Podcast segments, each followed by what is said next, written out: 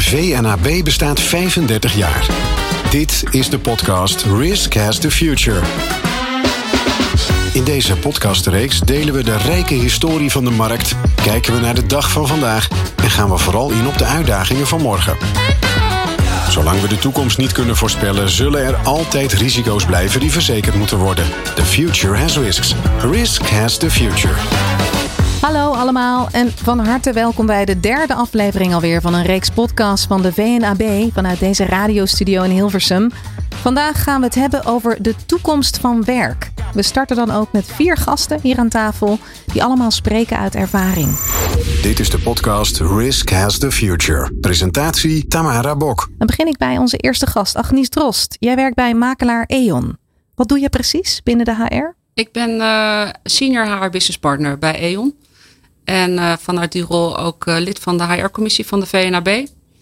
En um, deze commissie ondersteunt uh, zeg maar de VNAB en haar leden op het gebied van HR. Wij organiseren bijeenkomsten, HR-bijeenkomsten, waarbij we um, intercollegiaal overleg hebben met verschillende HR-collega's over allerlei thema's. Maar hebben ook ons de afgelopen jaren heel erg ingezet voor zichtbaarheid van de branche op de arbeidsmarkt. Het aantrekken van young professionals. Daar hebben we ook een heel mooi traineeship voor ontwikkeld. Het Risk Insurance Traineeship. Waarbij uh, young professionals, zowel bij de verzekeraar als bij de makelaar, ja, een stuk van hun traineeship doorlopen. En zo stomen we ook mensen klaar, zeg maar, branchebreed. Ja, precies. Dus dat is echt letterlijk werken aan de toekomst. Ja. Nou, hartstikke en niet mooi. alleen voor de eigen organisatie, maar voor de branche. Ja, voor de hele branche, branchebreed. Hartstikke mooi. Wie daar ook over mee kan praten is Rutger de Wal. Welkom. Dank Waar je. werk je en wat doe je daar? Ik uh, werk bij een Amerikaans verzekeringsbedrijf, Chubb. Uh, ik ben daar verantwoordelijk voor HR in de Benelux. Dus uh, alles wat op het HR-gebied te maken heeft van het aannemen van mensen, ontwikkelen van mensen en ook weer uitstroom en doorstroom. Um, en ook ik zit in de HR-commissie bij de VNB en probeer mijn steentje bij te dragen aan de ontwikkeling van het HR-vakgebied binnen de verzekeringsbranche. Ja, precies. noem eens iets wat Chubb met name doet om dit doel te bereiken. Nou, wij hebben onlangs uh, een uh, nieuw initiatief gelanceerd, Chubb Academy. Een uh, Europees breed ja, ontwikkelprogramma voor young professionals. Waarin ze in twee jaar worden klaargestoomd voor een functie als underwriter of onderschrijver in het Nederlands. Um, en dat is een heel leuk initiatief. we hebben net drie mensen in Nederland aangenomen. Maar 15 mensen in totaal Europees breed. En die proberen we op een internationale manier klaar te stomen. Kijk aan, zo spelen jullie allemaal mee op die arbeidsmarkt. En dat brengt me dan ook bij onze derde gast. Iemand die zich het liefst beweegt in het hart van actuele vraagstukken over mensen, werk en de arbeidsmarkt. Marjolein ten Hoonte, welkom. Dank. Jij werkt bij Randstad. Ik werk bij de Randstad Groep Nederland. Mijn functie is directeur arbeidsmarkt en maatschappelijk verantwoord ondernemen. Hoe geef jij invulling aan jouw rol binnen Randstad? Wat mijn rol binnen onze organisatie en naar buiten toe is, is dat ik mij verdiep in de arbeidsmarkt, weet wat de ontwikkelingen daar zijn en kan die vertalen naar mensen, naar organisaties, naar het institutioneel speelveld. Dus ik probeer vooruit te kijken en bedrijven aan te spreken op wat verandert er nou en op welke manier zou je daar, gegeven de drie groepen die, we daarmee, die daarmee te maken hebben, kunnen beïnvloeden om daar ook je voordeel mee te doen naar de toekomst. Ja, en hoe laat je dat dan landen binnen de organisatie? Ik doe dat minder vanuit zeg maar, onze core business. Ik doe dat echt vanuit een functie boven de commercie als kenniscentrum over arbeidsmarkt. Ja, dus dat is voor de luisteraar van deze podcast in ieder geval heel interessant al. Want Zeker. het geeft een hele hoop referentie die er misschien nog niet is. Dat gaan we vandaag ontdekken. Hartstikke goed. Uh, aan tafel ook Willemijn Kallenberg. Willemijn, jij bent young professional. Vertel. Ja, dat klopt. Ik ben young professional. Ik ben uh, underwriter Financial Lines DNO. Uh, in het uh, goed Nederlands ben ik me, ik me dan bezig met bestuurdersaansprakelijkheid. en daarin ben ik verantwoordelijk voor het afdekken van, van risico's met betrekking tot de bestuurdersaansprakelijkheid. Dit doe ik binnen AIG, ook een Amerikaans verzekeraarsbedrijf met het hoofdkantoor in Capella aan de IJssel. Kijk aan. En jouw rol vandaag is, en dat is een traditie aan het worden in deze podcast, dat we de Young Professional laten meeluisteren en aan het eind van de podcast even terughalen. Dus ik wil jou vragen om even goed aantekeningen te maken en die punten die misschien nog bespreekbaar moeten worden gemaakt, even aan te kaarten aan het eind. Voor hetzelfde geld vertellen we alles en zeg jij nou fantastisch, ik ga naar huis met een heel rijk palet aan kennis. Maar de ervaring leert dat de Young Professional soms nog wel een vraag of een thema of een issue kan neerleggen waar wij dan nog even over kunnen, door kunnen denken. Dus dankjewel. Dit is de podcast Risk Has the Future. Laten we even in de helikopter stappen, want daarom zijn we vandaag ook even samen. Deze podcast moet wel wat duidelijk maken en ook uh, een en ander vertellen. Uh, Marjolein, want wat gebeurt er nou eigenlijk op de arbeidsmarkt en hoe verhoudt zich dat tot de markt van de VNAB? Tot de branche? Ja, elke branche is in beweging en voelt dat er een hoop ontwikkelingen in de wereld zijn. En die probeer ik eigenlijk altijd te duiden in vier blokjes. Er is demografisch een hoop aan de gang. Mensen worden ouder. Uh, er zijn meer mensen op de wereld, behalve in dit deel van de wereld. Dus wij voelen een zekere krapte en tekort aan talent en vergrijzing en alles wat daarmee samenhangt. Technologisch is er een hoop aan de gang. Verdwijnt er werk, verschijnt er werk. Kunnen mensen omgaan met die technologie en hoe bereiden we ons daarop voor? Nou, dat speelt ongetwijfeld ook in de branche. De wereld globaliseert, bedrijven worden alsmaar groter. Is dat nou ook iets wat naar de toekomst toe blijft? Of worden we meer gevraagd wendbaarder organisaties te worden, herkenbaar voor talent enzovoort enzovoort. Dus die globalisering, lokalisering speelt heel erg. En er zijn grote vraagstukken rondom duurzaamheid. Op welke manier gaan we met de planet om? Met ons profitmodel, met ons businessmodel. Moeten we niet meer naar een value case en naar een business case eh, toe bewegen? En hoe gaan we duurzaamheid voor mensen vormgeven? En het grappige is dat in die wereld waarin we nu verkeren, dat vroeger duurzaamheid voor mensen enorm opgehangen was aan het vaste contract met die ene werkgever. Vandaag de dag kan die ene werkgever dat vaste contract lifetime employment niet meer bieden, maar wil wel goed werkgever zijn. Ja. En dat is het grote vraagstuk waar eigenlijk elke organisatie voor staat. Hoe ga ik om met die demografische veranderingen, technologie, globalisering en vraagstukken die mensen voor zichzelf hebben op hoe kan ik in mijn welvaart en welzijn voorzien en op welke manier kan een bedrijf me daar dan bij helpen. Want ik wil ontwikkelen, leren, inkomen hebben enzovoort enzovoort. Ja, dit zijn natuurlijk uh, de vragen waar niet alleen ondernemingen mee spelen, maar stichtingen, noem maar op. Heel, heel ondernemend Nederland. Iedereen die werkgever. Op globaal, ja. ja. Rutger, herken jij iets in wat Marjolein zegt hier? Want voor Chubb is dat waarschijnlijk niet anders. Zijn jullie met die vier pilaren bezig? Ja, absoluut. En uh, ik denk dat op elk van dat blokje zien we gewoon uitdagingen, zien we ontwikkelingen. Um, ik zie zeker in, in dan de Nederlandse arbeidsmarkt dat inderdaad een stukje vergrijzing en een stukje verandering van werk um, heel erg speelt. En dat we daarop in moeten spelen met aantrekken van, van fris, nieuw, jong talent. En waarschijnlijk ook andere ja, competenties of skills um, dan wat we vroeger deden. Ja, want aan jou de vraag, Agnes, die ontwikkelingen die hier een rol spelen, die gaan natuurlijk niet synchroon. Dat gebeurt niet allemaal op hetzelfde moment. Het, is ons, het fluctueert enorm. Wat is binnen de HR-commissie dan een actueel onderwerp wat aangepakt wordt momenteel? Qua informatievoorziening, jullie organiseren events, heb ik begrepen. Hoe gaat dat in zijn werk? Ja, vanuit de HR-commissie wordt heel veel. Wat het belangrijkste is dat we aan één kant met elkaar afstemmen intercollegiaal, zeg maar. Dus via de HR-bijeenkomsten over verschillende thema's, waaronder ook dit. Van goh, wat speelt er bij jullie? Hoe gaan jullie daarmee om? En aan de andere kant ook het, het zichtbaar worden op de arbeidsmarkt voor, voor ja, jonge talenten. En nou, zoals ik net al aangaf, dat risk traineeship is een van die instrumenten die we daarvoor inzetten. Ik denk dat het heel belangrijk is, uh, wat Marjolein ook net zegt, dat lifetime employment is er niet meer. Dus het opleiden voor de buren is een gegeven. En dat moet je ook niet erg vinden, denk ik, als werkgever. Maar hoe geef je dat dan vorm, weet je, met elkaar? En kijk je ook met een brede blik naar die arbeidsmarkt en trek je dan op die manier ook wel de mensen aan die je wil hebben? Of zit je heel erg vast aan een bepaald functieprofiel met bepaalde functie-eisen? Nou, schets jij iets dat waarschijnlijk voor de luisteraar hè, herkenbaar is, al dan niet het een of het ander. Waar moet dan nu de meeste aandacht naartoe? Want duurzame inzetbaarheid is natuurlijk iets uh, dat ja, het verandert. Mensen zijn gewend om al dan niet lange of juist korte contracten te hebben. Uh, er zijn organisaties die nog steeds wel tien jaar mensen in dienst hebben, maar die zijn ook vrij zeldzaam. Dat is wel grappig. Ik denk tien jaar in dienst is in onze branche nog niet eens zo heel zeldzaam. Dat is wel... In jullie branche niet? Nee, nou dat, nee. dat, is misschien heel goed. Um, maar waar wij ook uh, in ieder geval vanuit E.ON ook heel erg op inzetten, is duurzame inzetbaarheid en vitaliteit. Weet je, hoe hou je mensen inzetbaar voor werk? Um, uh, dus wij bieden ook mogelijkheden uh, via een budget jaarlijks dat mensen opleidingen kunnen doen, et cetera, om, om, zichzelf te ontwikkelen. En dat is heel erg vrije keuze aan de medewerker zelf. Oké, okay, budget, dat is mooi. Maar hoe zit dat dan met techniek bijvoorbeeld? Ja, er wordt natuurlijk heel veel, heel veel geautomatiseerd. Dus uh, functies verdwijnen ook en er komen nieuwe functies voor terug. En ik denk als je kijkt naar de toekomst, je weet niet wat de toekomst brengt. De, de, de markt is zo in beweging en zo in ontwikkeling. dat je bijna niet kunt voorspellen wat je straks nodig hebt aan eisen. Ik denk dus dat je moet zoeken naar mensen die een bepaalde wendbaarheid hebben. die een, bepaalde leercurve met zich meebrengen. om zich te kunnen aanpassen aan die ontwikkelingen die gaande zijn. En ik denk dat je daarop je medewerkers ook moet triggeren en op moet ondersteunen als werkgever. Het gaat dus niet meer om wat heb jij als medewerker te brengen, maar wat heb jij als werkgever te brengen aan die medewerker. Marjolein, dit heb ik wel eens eerder gehoord, ook in andere sectoren. Hoe kan je daar als branche binnen de assurantie op inspelen? Heb jij daar een beeld van? Nou, wat ik belangrijk vind om te zeggen is dat we in de huidige wereld enorm vertrekken vanuit branche, sector, bedrijf. Maar die bestaan allemaal uit mensen.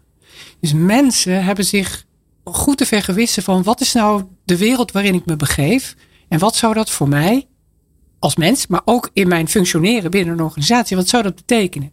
En als we net goed luisteren naar het verhaal van Anjis, dan hoor je terug dat HR bestaat eigenlijk het one size fits all. Ik maak iets, heel bureaucratisch bijna, wat voor iedereen geldt. De wereld die voor ons ligt, is een wereld waarin gepersonaliseerde dienstverlening van ons gevraagd wordt. Dus ook mensen die bij je werken, zouden het fijn vinden om te zeggen: Ik wil graag bij deze organisatie op deze manier werken. Kun je me zo helpen ontwikkelen? Misschien dat ik tien jaar blijf, misschien wel dertig, maar wat kunnen we daarover afspreken? En dat is denk ik heel erg belangrijk dat dat aan het veranderen is. Niet meer wij als organisatie, mensen als organisatie, maar ook degene die bij ons werken. Gegeven ook de schaarste, gegeven ook de wereld die in verandering is, hebben we ons meer naar ja, te schikken is niet het goede woord, maar wel naar te luisteren. Wat zijn nou de specifieke verwachtingen? En als je het dan bijvoorbeeld over young professionals hebt, die gaan geen 30 jaar bij ons blijven, maar kunnen in een korte tijd vreselijk veel waarde toevoegen. Wij ook aan hen. En wie weet komen ze weer eens terug. En, dus, en dat is een volstrekt ander concept. En dat zijn de dingen waar volgens mij de HR-functionaris, eh, de mens, mee geholpen is om zich daar een beeld bij te vormen. Hoe kan ik de mensen die bij ons werken helpen om op hun manier, zoals zij dat prettig vinden, wat binnen mijn mogelijkheden ligt, te helpen zich te ontwikkelen, optimaal productief te zijn in mijn organisatie. Ja, ik, ik zie Rutger ook knikken. Herken jij dit? Ja, ik herken dit absoluut. En uh, ik, ik, denk dat uh, we nou ja, bijna op een soort scheidslijn staan. Ik denk dat uh, we even algemeen gesproken in de zakelijke verzekeringsmarkt ehm, heel veel hebben gekeken naar: oké, wat heeft iemand de afgelopen 10, 20 jaar gedaan? En op basis daarvan denk ik van, oh, hij heeft de expertise die nodig is om die functie uit te oefenen. Terwijl, wat Agnies ook al een beetje aangaf, je, je moet veel meer naar de toekomst kijken. En eigenlijk niet kijken van wat heb je de afgelopen twintig jaar geleerd. Maar wat ga je de komende twintig jaar leren en hoe snel pak je die veranderingen op? Want uh, ja, met digitalisering en, en wet en regelgeving die naar bijna dagdagelijks verandert. En ja, de hele maatschappij die mee verandert. Uh, moeten wij ook echt veranderen. En ik denk dat die verandering en die flexibiliteit. Dat dat echt een heel belangrijk punt gaat zijn in um, ja, het hebben van de juiste mensen op de juiste plek in je organisatie. Jij noemt nu het woord veranderen. Agniet, jij had het daar net ook over. Dat je, je, wil een, hè, je, je wil een beweging in gang zetten. Die is groter dan jezelf, want die geldt voor heel werkend Nederland. Benelux hier zelfs, uh, voor Rutger. Is er dan nu een, nou, een adviesfunctie die die commissie kan hebben naar de luisteraar toe? Over hiermee om te gaan? Hoe, hoe hiermee om te gaan? VNB krijgt deze vragen, weet ik. Ja, ik denk, nou, ik denk dat in die zin adviesfunctie. Ik denk dat wij als commissie ook en eh, ook als HR-professionals uh, organisaties ook moeten ondersteunen in het anders kijken ook naar wat je vraagt van mensen. Um, um, wat Rutger ook net schetst, weet je, dat je dat heel erg gekeken wordt van ik wil iemand met zo'n zo'n um, cv en dit en dit uh, ervaringspakket. En in plaats van dat wij het schaap met de vijf poten zoeken, misschien een schaap met drie poten zoeken en kijken welke drie poten vind ik dan belangrijk. En uh, dat je niet meer vanuit het traditionele denken kijkt naar je werving, maar dat je je scope gewoon verbreedt. Omdat onze vijver waar wij met z'n allen in vissen mega klein is. Maar die maken wij ook klein doordat we een bepaald profiel najagen. En um, ik denk dat het helpt om, om ook daarbij te ondersteunen uh, vanuit de commissie en ook vanuit onze rol als HR-professional. Om, om, om dat, ja, dat spectrum open te gooien. Marjolein, dat is, ja, dit is precies waar jij het net over had. Hoe, hoe, hoe schets je dat dan in tijdslijnen? Dat is altijd lastig. Op het moment dat je het hier abstract gaat bespreken, dan weten we allemaal wel wat er moet gebeuren. De hoe is ook wel enigszins aanwezig. Moeilijk hè? We gaan straks Willemijn ook nog even vragen hoe die erover denkt. Want die is zo'n young professional. Die kijkt misschien alleen maar naar de toekomst. Marlijn, is er iets dat je op korte termijn en een korte termijn gedachte als uh, branche-eigenaar uh, kan, kan, kan veranderen? Het allerbelangrijkste is dat je je denk ik realiseert dat technologie uh, veroorzaakt heeft dat de wereld grenzeloos is. als je kijkt hoeveel digital nomads er nu over een wereld andere eisen stellen aan onze producten, maar ook uh, technologie van invloed is op dat wat ten diepste verzekeren is. Dus je hebt talenten nodig die snappen wat bijna per minuut verzekeren betekent voor die hele industrie die nu op een hele andere manier security regelt voor mensen in de oude wereld. Dan vraag je om een tijdslijn. Uh, dat is heel industrieel en verzorgd gedacht. Hè. Is het voor de kerst af of is het einde maand ja, af? Ja. Dit is een innovatie die over je heen rolt als sector, die je moet proberen voor te zijn. Uh, en, en het er met elkaar heel veel over te hebben. En je verbeeldingskracht vooral te gebruiken. Dus het is een ander soort innovatie dan de business development die achter ons ligt of waar we nog middenin zitten. Maar je hebt echt te innoveren, te heroverwegen. Wat is nou ten diepste mijn product? Wat betekent dat voor, voor mensen in de wereld? En hoe zouden onze werknemers, als je ze nog zo kan noemen, zich daar dan toe verhouden en, en op mee gaan rennen? En dan heb je in het nu de supertanker door te laten varen met die producten en diensten die er nu zijn. En ondertussen heb je het nieuwe bedrijf uit te vinden, de nieuwe medewerker, ja. enzovoort, enzovoort. Klinkt als een behoorlijke missie. Rutger, hebben jullie die verbeeldingskracht waar Marjolein het over heeft? Is dat bij jullie top of mind? Werk je daar op dagbasis mee? Of is die grote tanker waar Marjolein het nu ook over had, nog, nog veel te veel aandacht aan het opeisen? Ja, ik denk dat dat de, de aloude uitdaging is uh, om dat voor elkaar te krijgen. Om die geesten rijp te maken. Ik denk wat je, wat je ziet is iedereen, denk ik, in de branche is het wel over eens. Van ja, we moeten niet bij de concurrenten mensen weg gaan halen. We moeten die vijver groter maken. Uh, we moeten mensen met andere skills of, of out of the box denken aannemen. Maar in mijn team als ik dan nu een vacature heb, wil ik toch wel heel graag iemand die gelijk up and running is en gelijk aan de slag kan. Ja. Um, dus dus dat, daar ligt denk ik dan vooral voor HR ook een uitdaging om die geesten rijp te maken. En, en af en toe ook uh, ja, een, een chance om people te nemen en, en het gewoon te doen. Maar dat is, Agnes, mag jou dat vragen? Want dat is ook kijken met een kritische blik naar je eigen organisatie. Ja. Hoe soepel gaat dat in jouw beleving? Want ik kan me voor, ik even hebben, dit is een mooie rol van mij. Ik ben die objectieve persoon. Ik probeer me in te beelden hè, hoe zo'n verandering dan werkt. Wat Marlijn hier schetst. We moeten dat met z'n allen gaan doen. Maar dan moet je toch ook even goed kijken naar. Ik ben een assurantiebedrijf, ik ben een makelaar, ik ben een verzekeraar. Wat doe ik goed? Wat kan nou, nog beter? Het is ook een beetje product eigen om, om in zekerheden te zoeken. Weet je? Dus dat, Ja. is, dat maakt het ook best wel lastig. Ja, dat snap Dus ik. je, je, je vraagt ook wel wat van je organisatie. En, dat, en ik herken helemaal wat Rutger zegt. Weet je, iedereen herkent wat we nodig hebben. eh, om, om mee te kunnen gaan met de toekomst, et cetera. Maar als je die ene vacature hebt. Ehm, op, een- op een ja, eh, kleine bezetting. en je wil graag door met, je, met die mammoetanker. dan ben je wel geneigd om die kant-en-klare kandidaten aan te nemen. Dus het is ja, wel een uitdaging om de ruimte te zoeken. om ook een soort van kweekvijver te creëren voor mensen die je kunt opleiden. En ehm, ja, die van hele andere invalshoeken kijken ook naar je product. Al, al- dat alleen al. En daarmee ook naar je organisatie en je werkskracht naar buiten. Ja, Marlijn, dus, dus ook, eh, ik, las iets over dat ehm, er zijn ook voorbeelden binnen de HR, zoals wat men verwacht dat je een bepaalde kledingstijl hebt. Rutger, jij zei het al, je moet soms out of the box, misschien wel zonder box kunnen denken. En, en, en dingen loslaten die je gewend bent in het arbeidsproces. Hoe soepel gaat dat? Ehm, ja, wat mij betreft eh, gaat dat best oké. Ik denk wat dat betreft dat ehm, corona daarin ook wel echt een versneller is geweest. Ik denk dat we nu in één keer veel meer accepteren dat nou ja, mensen aantrekken wat ze aantrekken. Omdat ze thuis eh, ook achter een computer eh, inbellen op vergaderingen en dergelijke. Ehm, dus eh, ja, ik denk dat, dat we daar stapje voor stapje wel komen. En ja, soms is dat misschien voor sommige mensen een beetje ongemakkelijk. Ehm, en, soms moet je daar ook gewoon een discussie over hebben. Ik heb buiten de kleding om uh, laatst een keer een discussie gehad met iemand. Uh, omdat een jonge medewerker zich via WhatsApp ziek meldde. Uh, en, en die manager zei van ja, dat kan toch niet, dat kan toch niet. En in eerste instantie denk je ja, nee, dat kan niet. En dan denk je, maar waarom eigenlijk niet? Het is gewoon een communicatiemiddel, net zoals een telefoontje dat is, of een e-mail of een brief.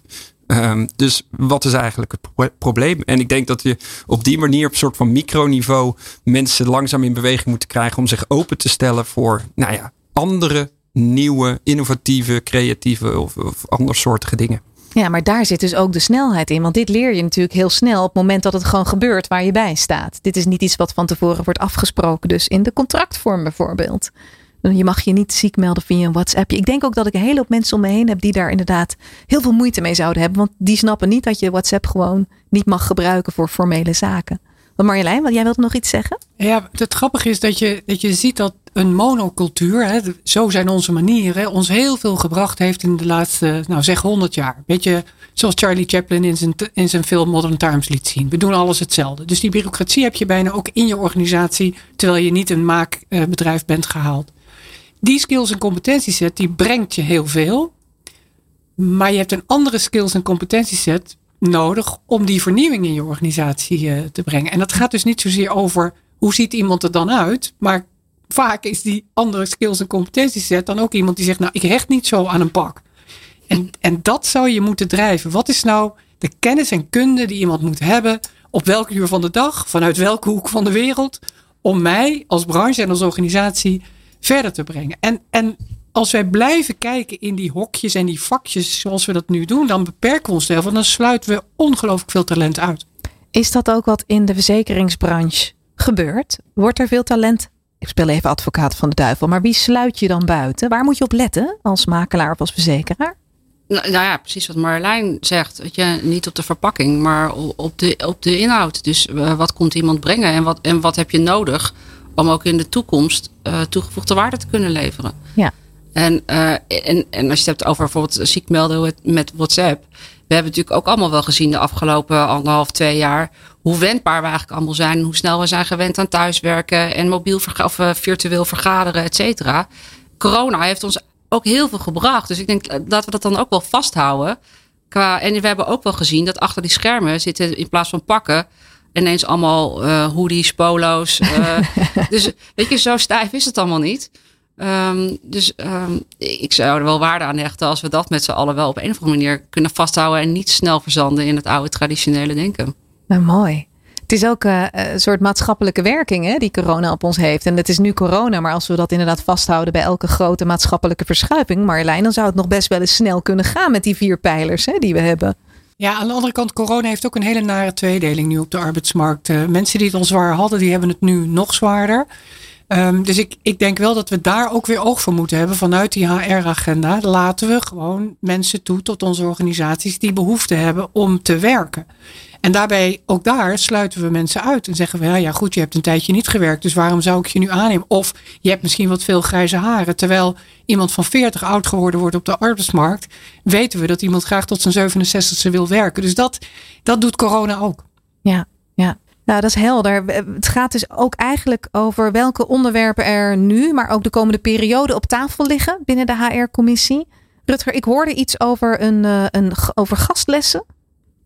Ja, ik denk dat de, de HR-commissie echt ziet dat er een grote taak branchebreed ligt om de zakelijke verzekeringsmarkt echt uh, aantrekkelijk, interessant voor young professionals te maken. Uh, nou, dat doen we een aantal initiatieven voor, maar ik denk zeker wat onlangs is gelanceerd, gastlessen voor HBO-studenten, om ze ja, wat helderder te krijgen van wat is dat nou eigenlijk? Wat doet zo'n zakelijke verzekeraar? En eigenlijk mee te geven dat het ontzettend leuk, interessant en afwisselend werk is.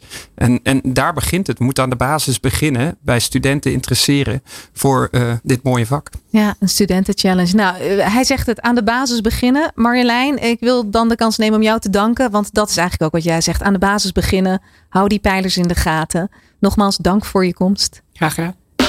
Hoe verzekeren we de toekomst van de volgende generatie in de co-assurantiemarkt? Welke vragen hebben zij over de zakelijke verzekeringsmarkt? Risk has the future. The future of risk. Willemijn, jij hebt meegeluisterd. Ehm, ik was wel benieuwd. Heb jij nog vragen voor Rutger of uh, Agnes? Ja, ik heb een vraag aan uh, Agnes. Uh, jij had het op een gegeven moment over hè, belangrijke pijlers ontwikkelen, leren, inkomen. Um, dat zijn een, drie van de pijlers die belangrijk zijn voor een young professional. Waar ik met name benieuwd naar ben, is je benoemde een budget. Hoe zit dit budget in elkaar? En hoe zou dit voor mij als, als young professional uh, meerwaarde kunnen bieden binnen jullie organisatie? Ja, nou, wij hebben binnen E.ON hebben wij het, uh, duurzaam inzetbaarheidsbudget. Iedere medewerker krijgt jaarlijks een bedrag en dat kun je voor vijf jaar lang sparen. En dat kun je uh, eigenlijk vrij besteden om je eigen duurzame inzetbaarheid te vergroten. Uh, en dat gaat verder dan alleen maar de inhoud van je werk. Dus je kunt het ook uh, zeg maar besteden aan loopbaanbegeleiding, um, coaching. Um, iets waar je misschien privé heel veel interesse in hebt. Uh, omdat je, weet ik veel, penningmeester bent van een vereniging en wat meer van financiën wil weten. Het is helemaal vrij te besteden aan de medewerker. Er is ook geen goedkeuring voor nodig van de leidinggevende om die opleidingen te volgen. We hebben ook een, uh, we noemen dat de duurzame inzetbaarheid shop. Daar kunnen medewerkers shoppen om uh, ja, weet je, de, de, de, opleidingen te kiezen die ze willen doen. En als iets te duur is, wij spreken, kun je het aanvullen vanuit een eigen. Uh, ja, vanuit een ander potje. Wordt heel technisch.